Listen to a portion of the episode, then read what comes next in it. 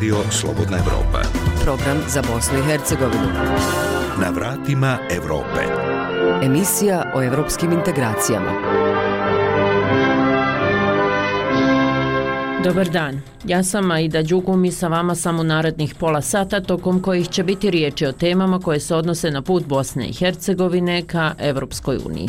U nastavku poslušajte kako lokalne vlasti primaći onome što trebaju raditi u procesu pridruživanja Bosne i Hercegovine Evropskoj uniji.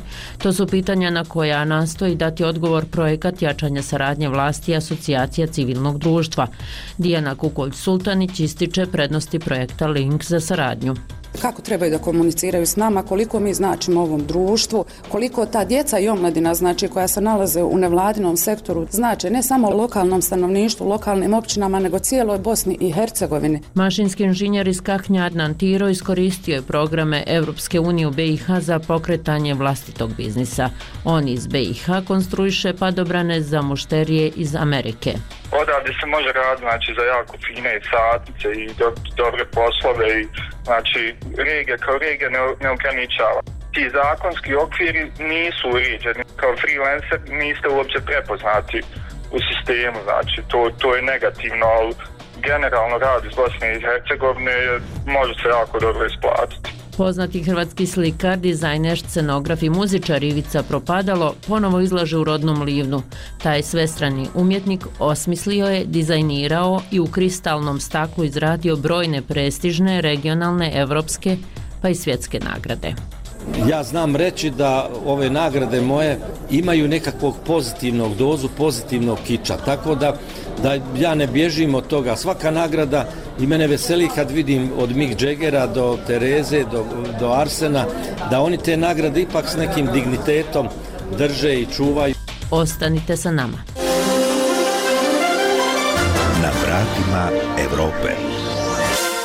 Evropski komesar za proširenje i susjedstvo Oliver Varheli kazao je tokom zasjedanja Evropskog parlamenta kako će Evropska unija nastaviti podržavati Zapadni Balkan te da će povećati svoja ulaganja posebno u vrijeme energetske krize. Cilj je, rekao je, obraćajući se Evropskom parlamentu, što prije pomoći zemljama i njihovim građanima koji već plaćaju velike cijene energenata.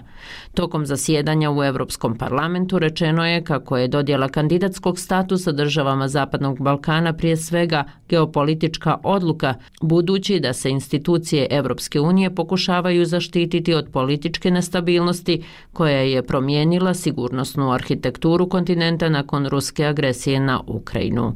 Evropski komesar za proširenje i susjedstvo Oliver Varhelji. Granting candidate status is an offer. Odobravanje kandidatskog statusa je ponuda. Radimo ovo za građane Bosne i Hercegovine. To dolazi i uz visoka očekivanja. Na elitama je da ovo pretvori u stvarnost. Nakon općih izbora 2. oktobra očekujemo da će se parlamenti i vlade na državnom, entitetskim i kantonalnim nivoima brzo uspostaviti da bi se mogli fokusirati na EU reforme. Na vijeću Evropske unije će biti da donese konačnu odluku, moguće u decembru govorio je evropski komesar za proširenje i susjedstvo Oliver Varhelji. Slobodnaevropa.org kako postići saradnju lokalnih vlasti i civilnog sektora, kako lokalne vlasti primaći onome što trebaju raditi u procesu pridruživanja Bosne i Hercegovine Evropskoj uniji.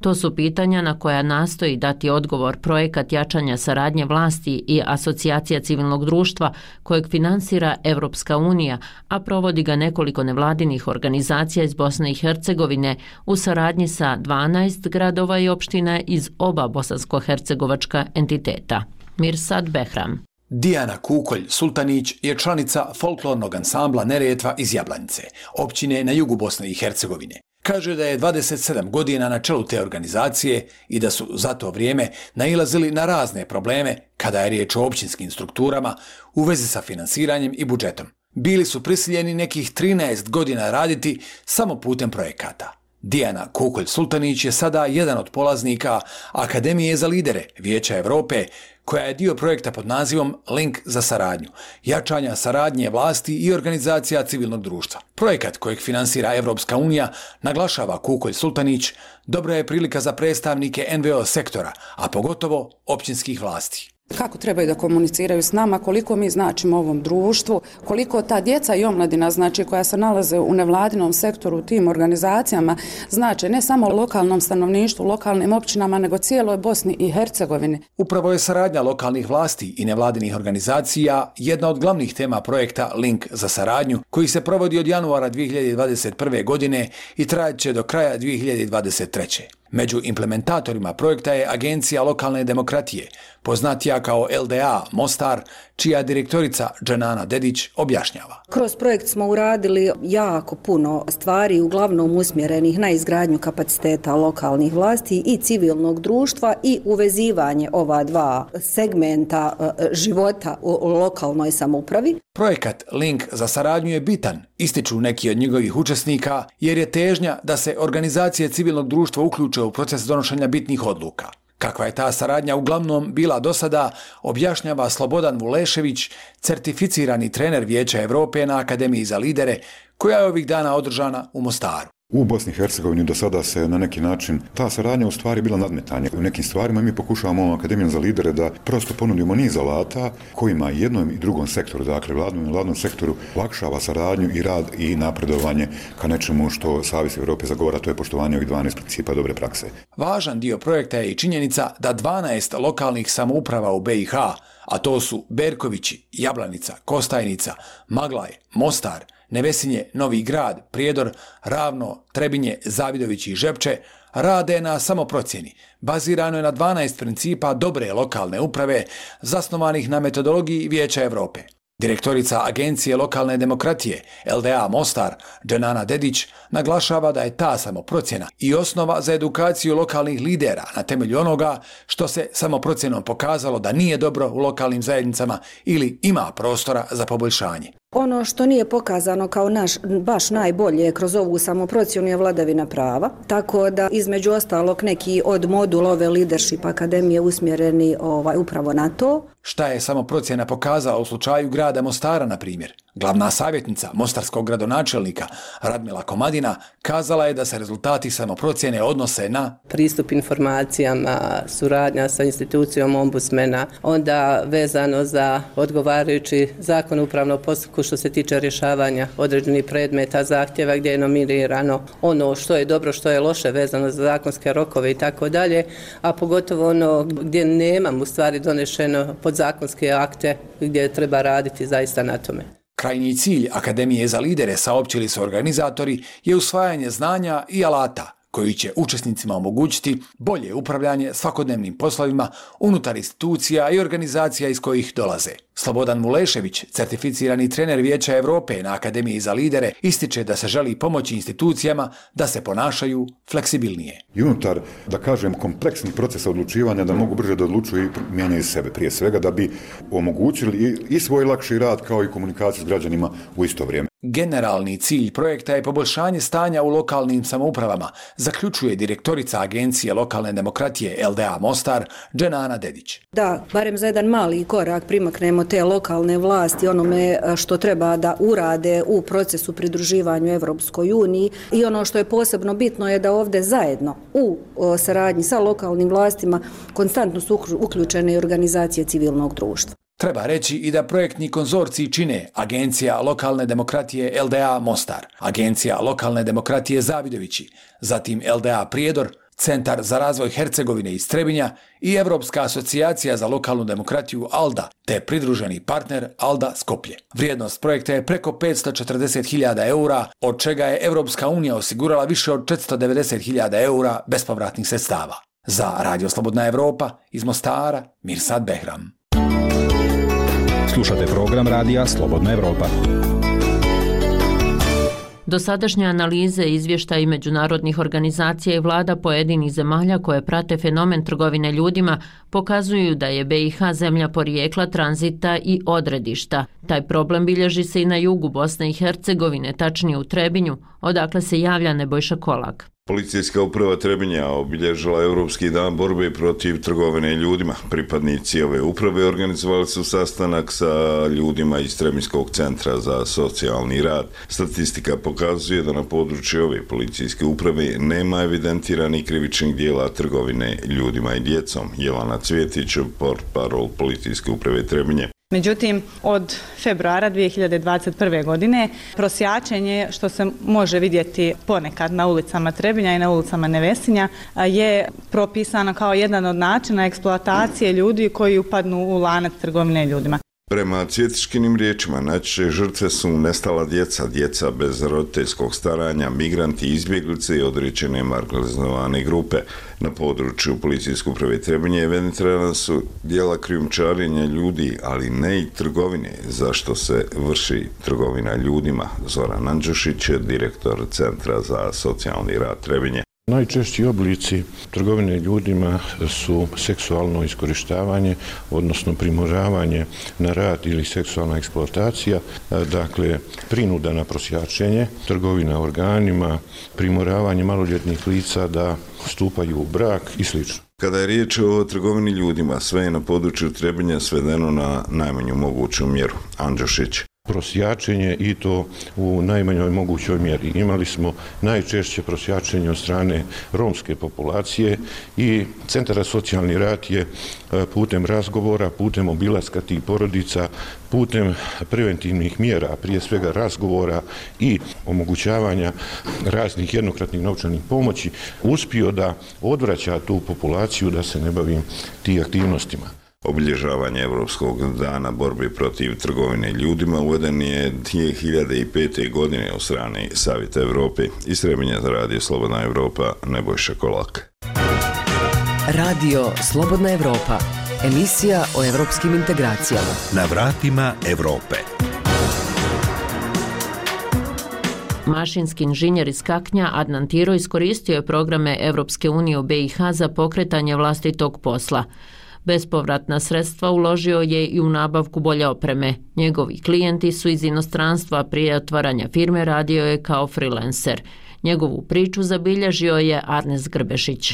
Konstruisanje padobrana za mušteriju iz Sjedinjenih američkih država samo je jedan od poslova koji je završio mašinski inženjer iz Kaknja Adnan Tiro nudim da ljudi meni dođu sa idejom za proizvod. Znači to nije nikakvo sad specifično polje, to može biti dosta toga različitog. Znači za jednog klijenta u Americi sam padobran napravio nacrt toga koji on poslije izradio i koristi ga.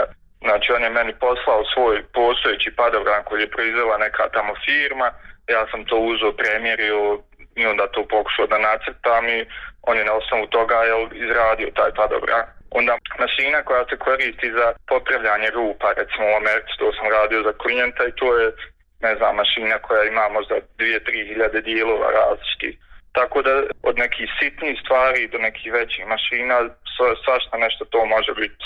Tiro je vlasnik firme Solvio koja postoji nešto duže od dvije godine. Bavi se pretežno projektovanjem mašina, mašinskih konstrukcija i izradom statičkih proračuna. Njegovi klijenti su iz inostranstva. Moji su klijenti, znači, recimo neki 90% su ovaj iz Amerike i ostatak je recimo ne znam neki miks sad iz Evrope ili čak i Saudijske Arabije i tako Australije, ali da kažem 90% iz Amerike. Mladi magistar mašinstva nije pokrenuo privatni posao bez radnog iskustva. Započeo sam u suštini ovaj svoju karijeru kao jel, mašinski inženjer, radio sam po različitim firmama ovdje u Sarajevu i onda sam primijetio da u suštini sve to što ja radim za te firme se radi preko računara i ja bi mogao onda da radim to i za neke klijente van. Tako da sam u tom trenutku otvorio, ne znam, svoj profil na ovoj platformi za freelancere Upwork i tu sam znači počeo pomalo nešto da radim dok to u nekom trenutku nije počelo da ima dosta više posla, da mogu mnogo više zaraditi nego recimo u tim firmama u kojima sam radio. I onda sam ja tu se u suštini prebacio da u potpunosti radim kao freelancer, dao sam otkaz i tako sam radio recimo jednu godinu, dvije godine da bi onda na kraju to još potvrdio s tim što sam otvorio i firmu, mada moj znači način rada se nije suštinski promijenio, to su i dalje ti isti klijenti koji sam tad upoznao, znači dok sam bio još freelancer. Za otvaranje firme i nabavku bolje opreme Adnan Tiro iskoristio je i neke od programa Evropske unije koji su namijenjeni privrednicima u Bosni i Hercegovini ja sam znači radio tako kao freelancer i mislim nisam imao neku sad motivaciju da otvaram firmu jer generalno i sad znači radim sam. Mislim nisam jedini zaposleni, zaposlio sam tu još nekog, ali ovaj, većinu tog ja radim da kažem. Ovaj, tako da je meni to u suštini ostalo isto kao kad sam bio freelancer i nisam imao neku motivaciju da otvaram firmu ali eto bio je tad poziv i ovaj nudili su ne znam bespovratna sredstva i eto da pomognu kao mentorski u pisanju ne znam biznis plana. To mi je bila neka motivacija jer sam od tog novca ovaj kupio puno bolji laptop, monitor i tako dalje. Tako da sam tad, ovaj, jel, a to je znači trebalo završiti da ja otvorim firmu. I tako da sam tad to i uradio i to je bio taj prvi posticaj i nakon toga je bio još jedan posticaj za već postojeće biznise gdje sam jel, kupio još jedan laptop čisto je to radi, radi širenja poslovanja. Na ovaj način Tiro je došao do 15.000 maraka bespovratnih sredstava koje je uložio u svoj posao i njegov primjer pokazuje da je u Bosni i Hercegovini moguće dobiti novac za realizaciju kvalitetnih poslovnih ideja. Bitno je samo znači imati neku jel, realnu izvodivu ideju i u najboljem slučaju recimo kako je kod mene bilo ja sam već imao dokaze o tome da ja poslujem i da mogu poslovati Znači, na, na oba ta konkursa sam prošao kao najbolje ocijenjen, mislim najviše iz razloga što, što sam ja već imao neki, da kažem, postojeći biznis kao freelancer. I dosta ljudi, recimo, isto mi je to potvrdilo da je to jako dobra neka međustepenca između jel, imanja firmi, da, da se bude freelancer, jer se tako nauči, ne znam, samostalno organizovati svoje vrijeme i obaveze i sve ostalo i tako da je to jako dobro među stepenica, a definitivno da postoje prilike. Mašinski inženjer iz Kaknja kaže i da se nije pokajao nakon otvaranja firme jer ima sasvim dovoljno posla. Mi imamo neku tu, da kažem, lošu sliku o nama samima kao Bosna i Hercegovina, ovaj, dok ljudi znači, u svijetu imaju poprilično dobru sliku o nama, nas oni tretiraju da smo mi kao jel, regija Evropa, recimo neki amerikanac ne zna jesmo mi ili nismo u Evropskoj uniji, on vidi znači da je to iz regije Evropa, gdje se smatra jel, da je postoji dobri inženjeri, tako da je moguće, znači, odavde se može raditi znači, za jako fine satnice i do, dobre poslove i znači, regija kao regija ne, ne ograničava. Ti zakonski okviri nisu uređeni, nisu uopće, ovaj, kažem, kao freelancer niste uopće prepoznati u sistemu, znači, to, to je negativno, ali generalno rad iz Bosne i Hercegovine može se jako dobro isplatiti. Iz Doboja za radio Slobodna Evropa, Arnes Grbešić.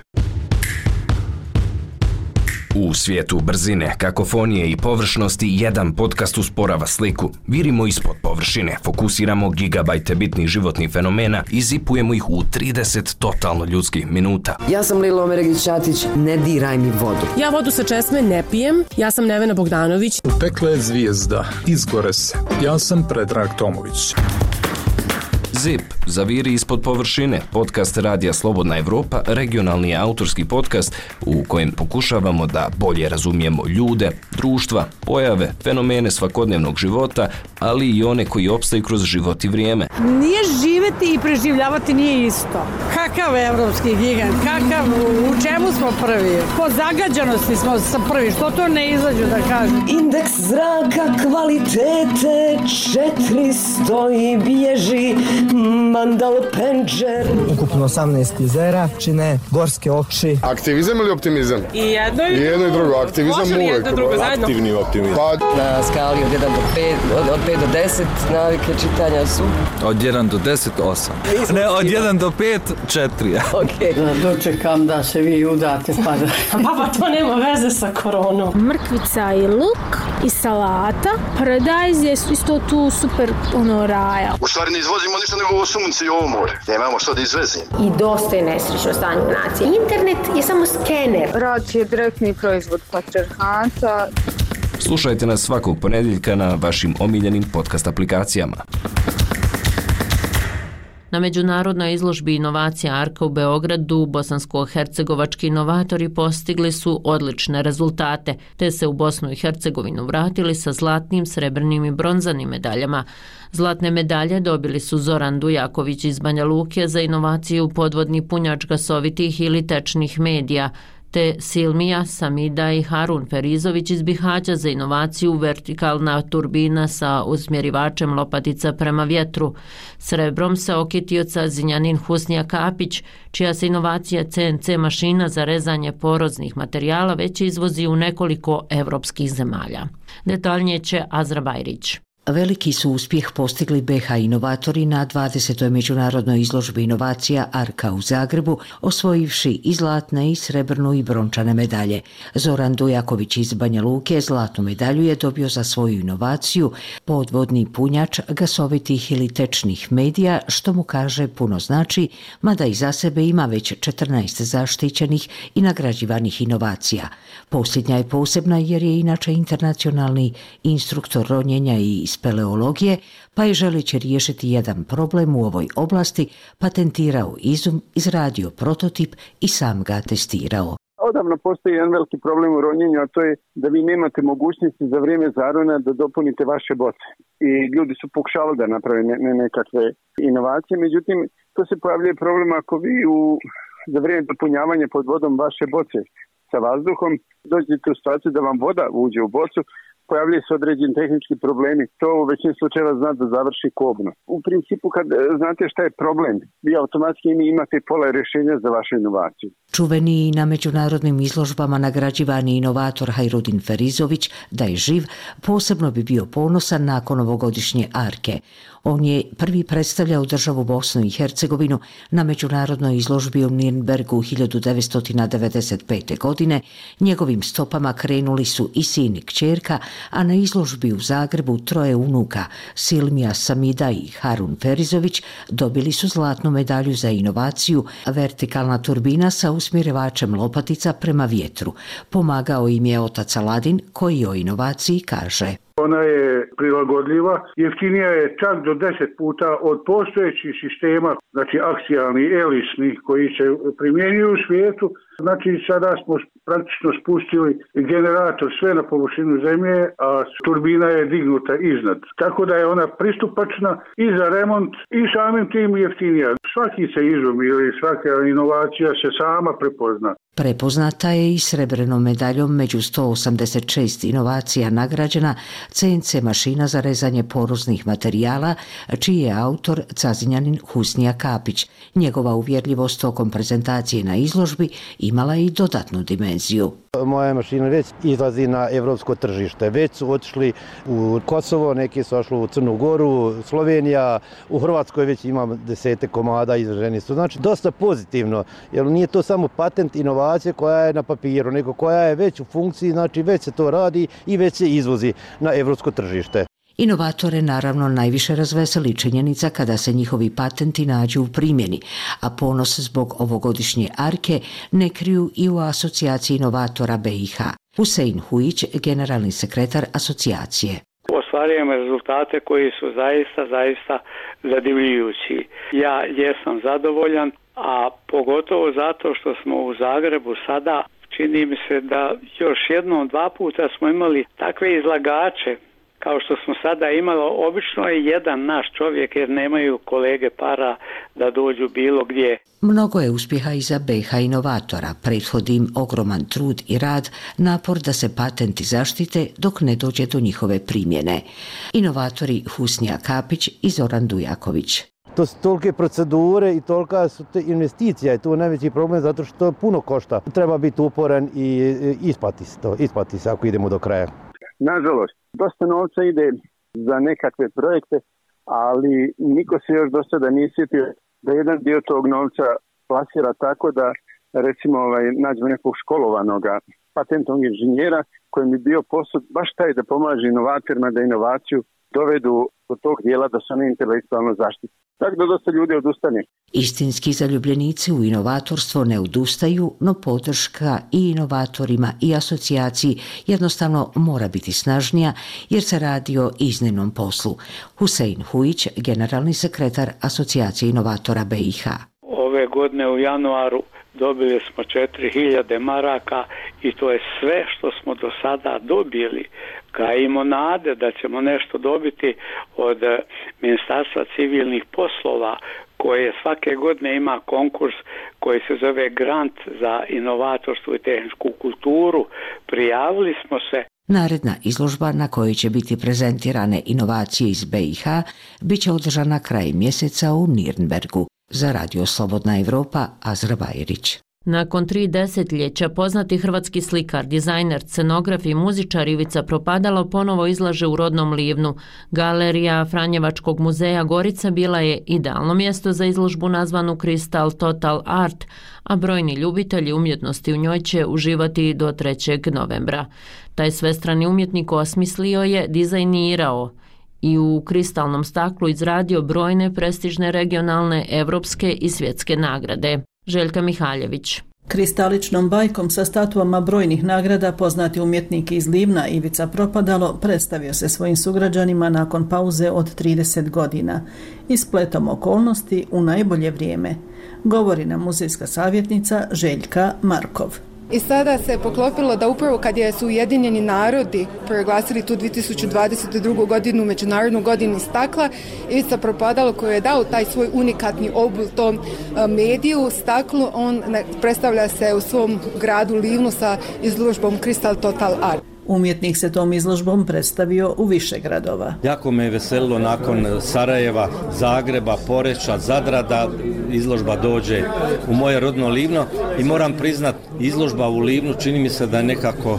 najbolje i to pa sam ja rekao e, konačno se vratili radovi kući tako da, da, da je to baš vidi se da je i kućna atmosfera i da je to dobro i, i muzej je to zaista su odradili fenomenalno i jako puno ljudi je došlo što me je isto tako obradovalo i mislim da su ljudi iznenađeni ovaj. Sve te nagrade ok svi znaju za Porina Doru i to međutim to je malo i viši spektar od Večernjakove ruže pa nadalje. I bili su iznenađeni količinom i ljepotom statua koje odišu istančanom estetskom dimenzijom naglašava Markov inače i sama umjetnica. Ja pokazu tu svoju, svoju inventivnost, sposobnost za redukcijom forme, ali isto tako sa tim akcentima on istaknio te detalje. Tako da je on jedan umjetnik vrlo imaginarne mašte, znači vrlo je inventivan i to, on ima tu jednu toliko stvaralačku energiju. Ja kažem, njegov atelije je jedan mali Bauhaus. A iz te radionice kristalne statue otišle su u ruke najvećih regionalnih i svjetskih zvijezda. Na jednoj od njih našao se i prepoznatljivi motiv livanjskog kraja. A konji su e, na nagradi Porin. Porin nije samo opera Vatroslava Lisinskoga, nego Porin je i legenda koja je povela Hrvate protiv Franaka. Tako da sam ja proučio knjiga i knjiga dok sam napravio statuetu Porina, on je vojskovođa i morao je naravno svaki vojskovođa mora imati nekog konja on je to je stilizirano ja znam reći da ove nagrade moje imaju nekakvog pozitivnog dozu, pozitivnog kiča. Tako da, da ja ne bježim od toga. Svaka nagrada i mene veseli kad vidim od Mick Jaggera do Tereze, do, do Arsena, da oni te nagrade ipak s nekim dignitetom drže i čuvaju. Zahvaljujući neumornoj stvaralačkoj energiji, propadalo i danas djeluje na više umjetničkih polja kroz širok spektar umjetničkih izraza, na kojima ga godinama prati likovni i glazbeni kritičar, splitski novinar i pisac Zlatko Gal. On je i izuzetno dobar po meni jedan od najboljih interijerista u Hrvatskoj i autora scenografija. On je među prvima koristio i video wall, elektronski zid, ali je znao isto tako i najjeftinijih materijala napraviti veoma atraktivnu televizijsku pozornicu. On bi znao sa gradilišta obične bauštele, ono, pokupiti e, neke materijale, one pregrade koje se stavljaju od jute ili od plastike i od toga napraviti sa rasvjetom neke čudesne scenografije koji su na televiziji djelovali kod da su Saraja ili BBC-a. Svestrani umjetnik koji je BH javnosti na pose Sarajevu poznati kao pokretač rok sastava Teška industrija, jedan je od osnivača i umjetnički direktor Udruge za promicanje kulture i umjetnosti Ja bih, koja već deset godina okuplja vrhunske umjetnike iz svijeta filma, glazbe, kazališta i likovne umjetnosti na prostoru Bosne i Hercegovine i Hrvatske, te dva grada, Sarajeva i Zagreba. Iz Livna za Radio Slobodna Evropa, Željka Mihaljević. Bilo je to sve što smo pripremili u ovom izdanju emisije Na vratima Evrope. Ostale naše sadržaje možete naći na web stranici slobodnaevropa.org dok podcaste zaviri ispod površine glasom mladih i između redova. Osim na web sajtu potražite i na Facebooku i Twitteru kao i na Spotify, Google podcastima i iTunesu. Sa vama su proteklih pola sata bile Vesna Jelčić i Aita Đugum.